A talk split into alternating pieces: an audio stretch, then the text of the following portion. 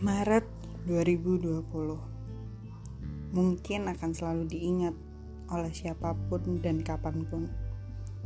Pandemi ini memang merubah segalanya. Secara perlahan, kebebasan atas setiap manusia di seluruh penjuru dunia telah terenggut.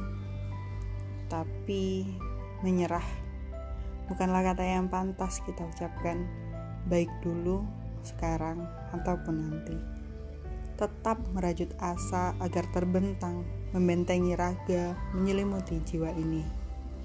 Berjuang bersama berharap bahwa semua akan kembali seperti sedia kala.